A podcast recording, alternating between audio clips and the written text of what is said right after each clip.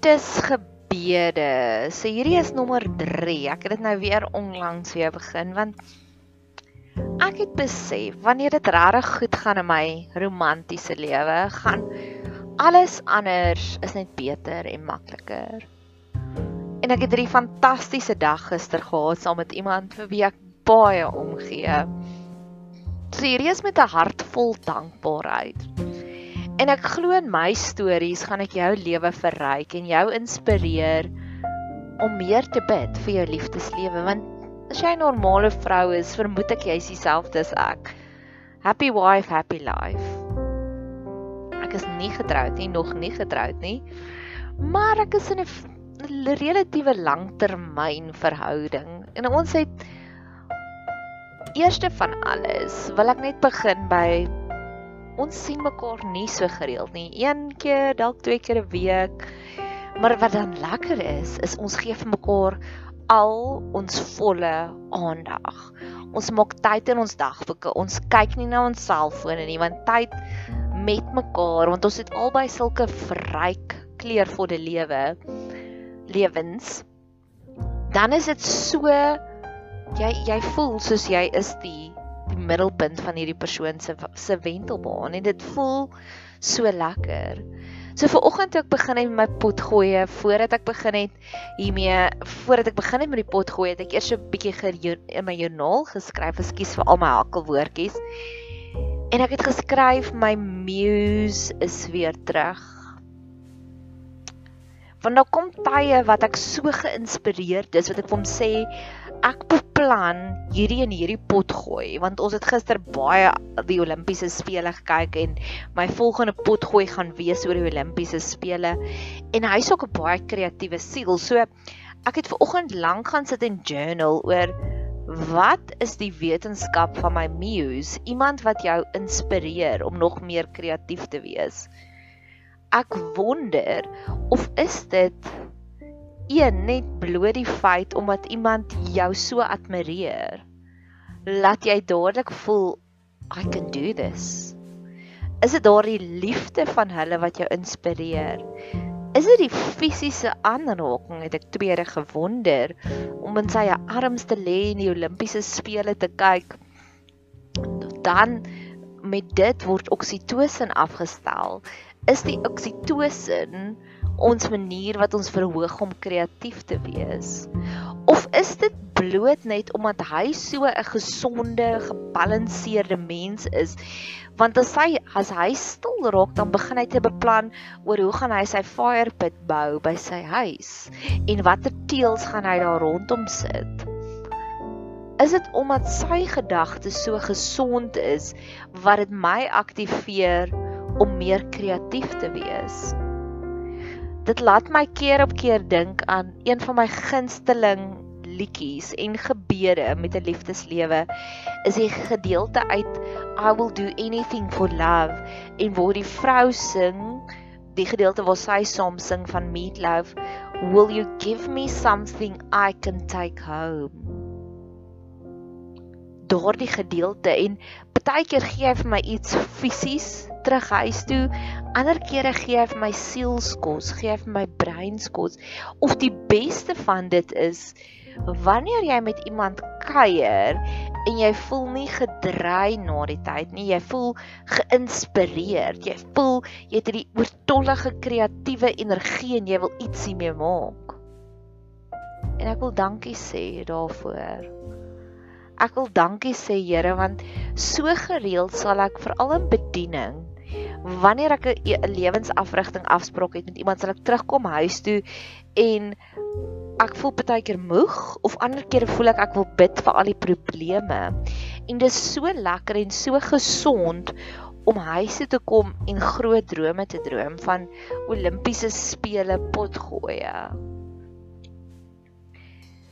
Iemand het eendag vir my gevra watse tipe meisie soos girlfriend dink ek is ek en ek sê vir die persoon ek wil 'n aanwins wees in mense se lewens.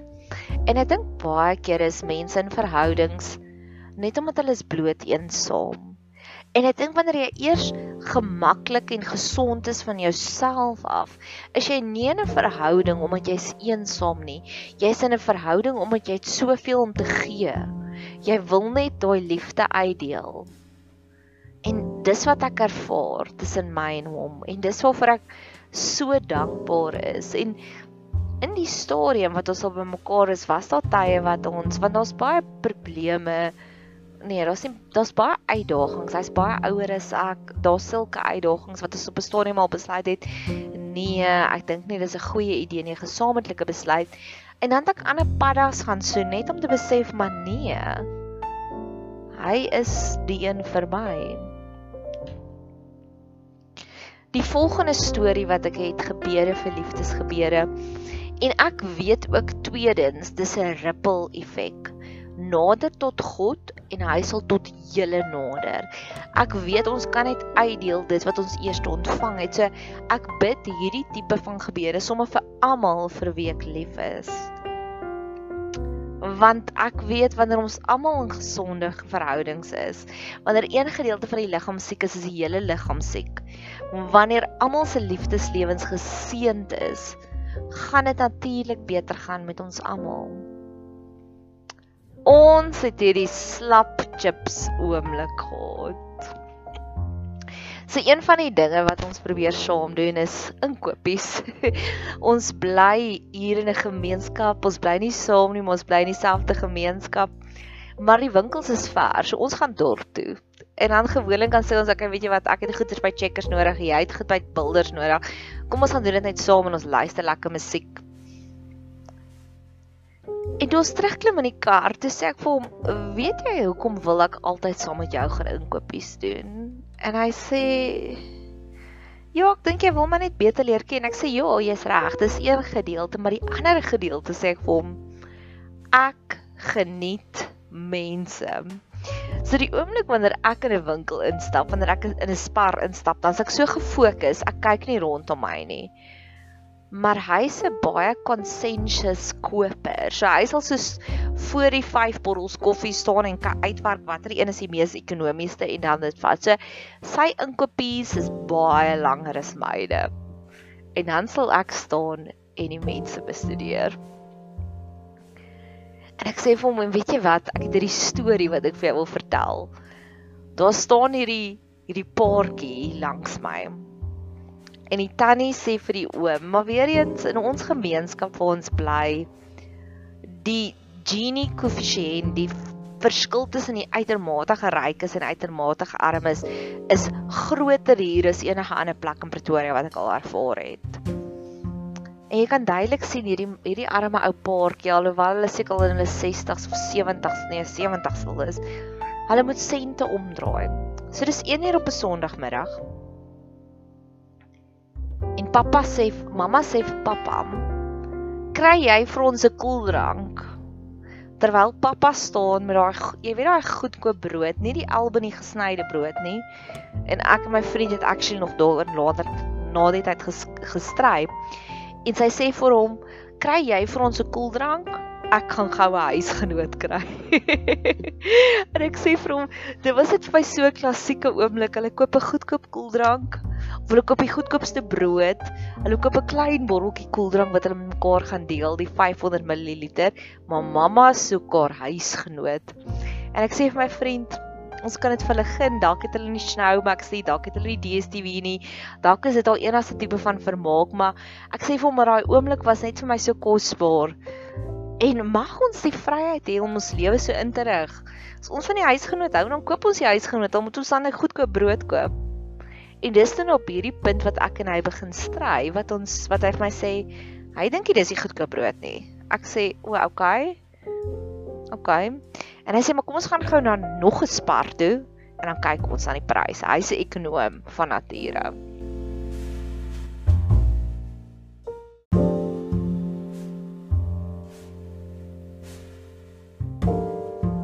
So hier is ons in die volgende spar. Dis 'n klein sparretjie by ons. So ek weet presies waar is hierdie goedkoop brode en daar's niks. En ek sê vir wag nee. Hier is nou niks van hierdie goedkoop brode nie. Sin nie vir een van ons gaan weet wie's reg nie. En hy sê vir my, "Maar kom ons kry sommer slap chips, daar is 'n slap chips." Ek sê dit klink vir my verskriklik lekker.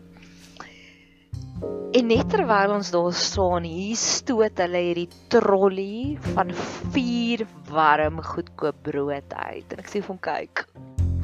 En ons meet net die pryse en die goedkoop brood is R5 goedkoper.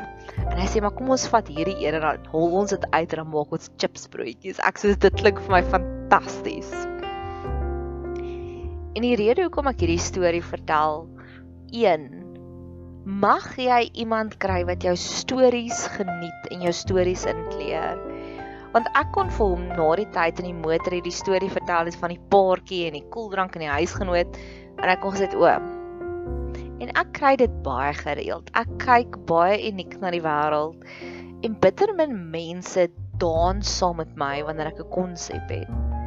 En hier eet ons hierdie slap chips en goedkoop brood broodjies en dit was een van die lekkerste feesmaaltye wat ek in 'n lang ruk gehad het. En ironies genoeg het ek 'n paar pot goeie terug toe ek begin bid het weer vir my liefdeslewe. Het ek gebid oor mense wat nie moeite doen nie. En ek het nog ons kos as 'n voorbeeld gebruik.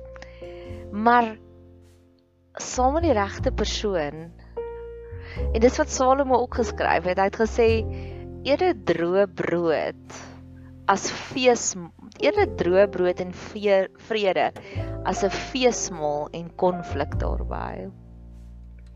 Nou ek het hierdie tradisie wanneer ons klog gekuier het, skryf ek vir hom 'n dankie sê briefie en ek skryf vir hom en ek spaai spesifiek soos ek het die Saterdag aand het ek 'n groot partytjie gehad. En toe sê ek vir hom ek het amperkies op jou gekanselleer Sondagoggend en toe sê hy vir my ek het dit mos nou spesifiek eers 11:00 die oggend gemaak dat jy kan lekker laat slaap. Ek sê o oh, dankie. So ek skryf dit nou in die briefie dankie dat jy so konsidererend is. Sonder dat ek eers vir jou hoef te vra dink jy aan my en my energievlakke en jy dink aan my behoeftes ek waardeer dit En terwyl ek hierdie liedjies die die die dankie sê briefie skryf, speel die liedjie Color Your Soul en die woorde is You color my soul. You color me, you color my soul. En dis oomblikke soos dit wanneer ek voel God is in this place, wanneer God sommer ook saam met my vry. En dis daai oomblikke wat ek voel Oh. Dit is net so amazing. So dis my volgende seëning wat ek oor jou wil uitspreek. Mag jy sommer voel laat God vry ook saam met jou. God is in this place. God het verhoudings, intieme man en vrou verhoudings vir ons gegee as 'n seëning. Dink jy nie hy wil dit sommer seën ook die seëning. Hy wil dit sommer lekker maak ook nie. Die laaste storie is 'n Chamberlain storie. Ja, ons gaan regtig na nie baie girly winkels toe nie. en selfs dit is vir my lekker. En ons instap in die Chamberlain, so sê vir my Nadia, kyk op teen die mure. sien jy hulle die hele storie, die hele geskiedenis hier vertel. Ek sê, oh, "Wow." iemand wat in my lewe is wat my laat die kleiner dinge in die lewe raak sien en waardeer. En ons loop stadig deur hierdie winkel en ons kyk net na alles en ek lees die stories. En op 'n stadium het hy 'n bietjie hulp nodig en dan kom hierdie ou oomie en hy help ons en hy's so ag, daai oomie was ook net klare seëning. En ek sê vir hom oom, is jy op een van hierdie fotos? hy lag. Hy sê nee, nee, nee, ek werk net ek sê o, okay, wat ons lees nou dit alles in die oom maak af en hy sê mag 'n geseënde dag hê. Want ek glo wanneer daar soveel harmonie, liefde en omgee tussen twee mense is, kan selfs vreemdelinge dit optel en hulle geniet dit om by ons te wees. En keer op keer het ek en hy dit al saam beleef in 'n winkel. Ek het dit al saam met my vriendinne ook beleef waar mense net sommer begin saam met ons praat. Want hulle mense se siele tel op, maar hier is 'n goeie harmonie, hier's 'n goeie vibe tussen mense.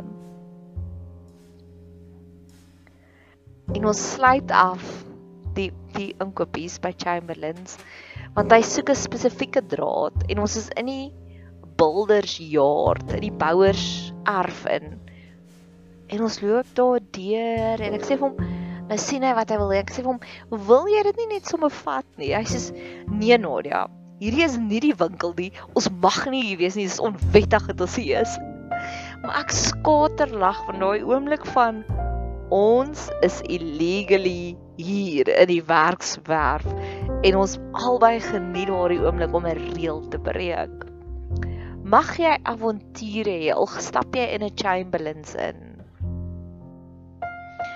Mag iemand na jou stories luister so intens want dis waaroor Belinda Carlisle se liedjie gaan van the story wat sy sê dis so hartseer as jy so avontuurlike lewe het maar daar's niemand wat na jou stories luister nie. Maar die volgende vlak is wanneer iemand nie net na jou storie luister nie, hulle maak 'n avontuurlustige feestelike oomblik van jou storie. En weer eens ek glo God was in daardie spar want ons het die varsste, warmste goedkoop brood gekoop. Dit was nie ou brood nie. Mag jy 'n super geseënde dag hê verder.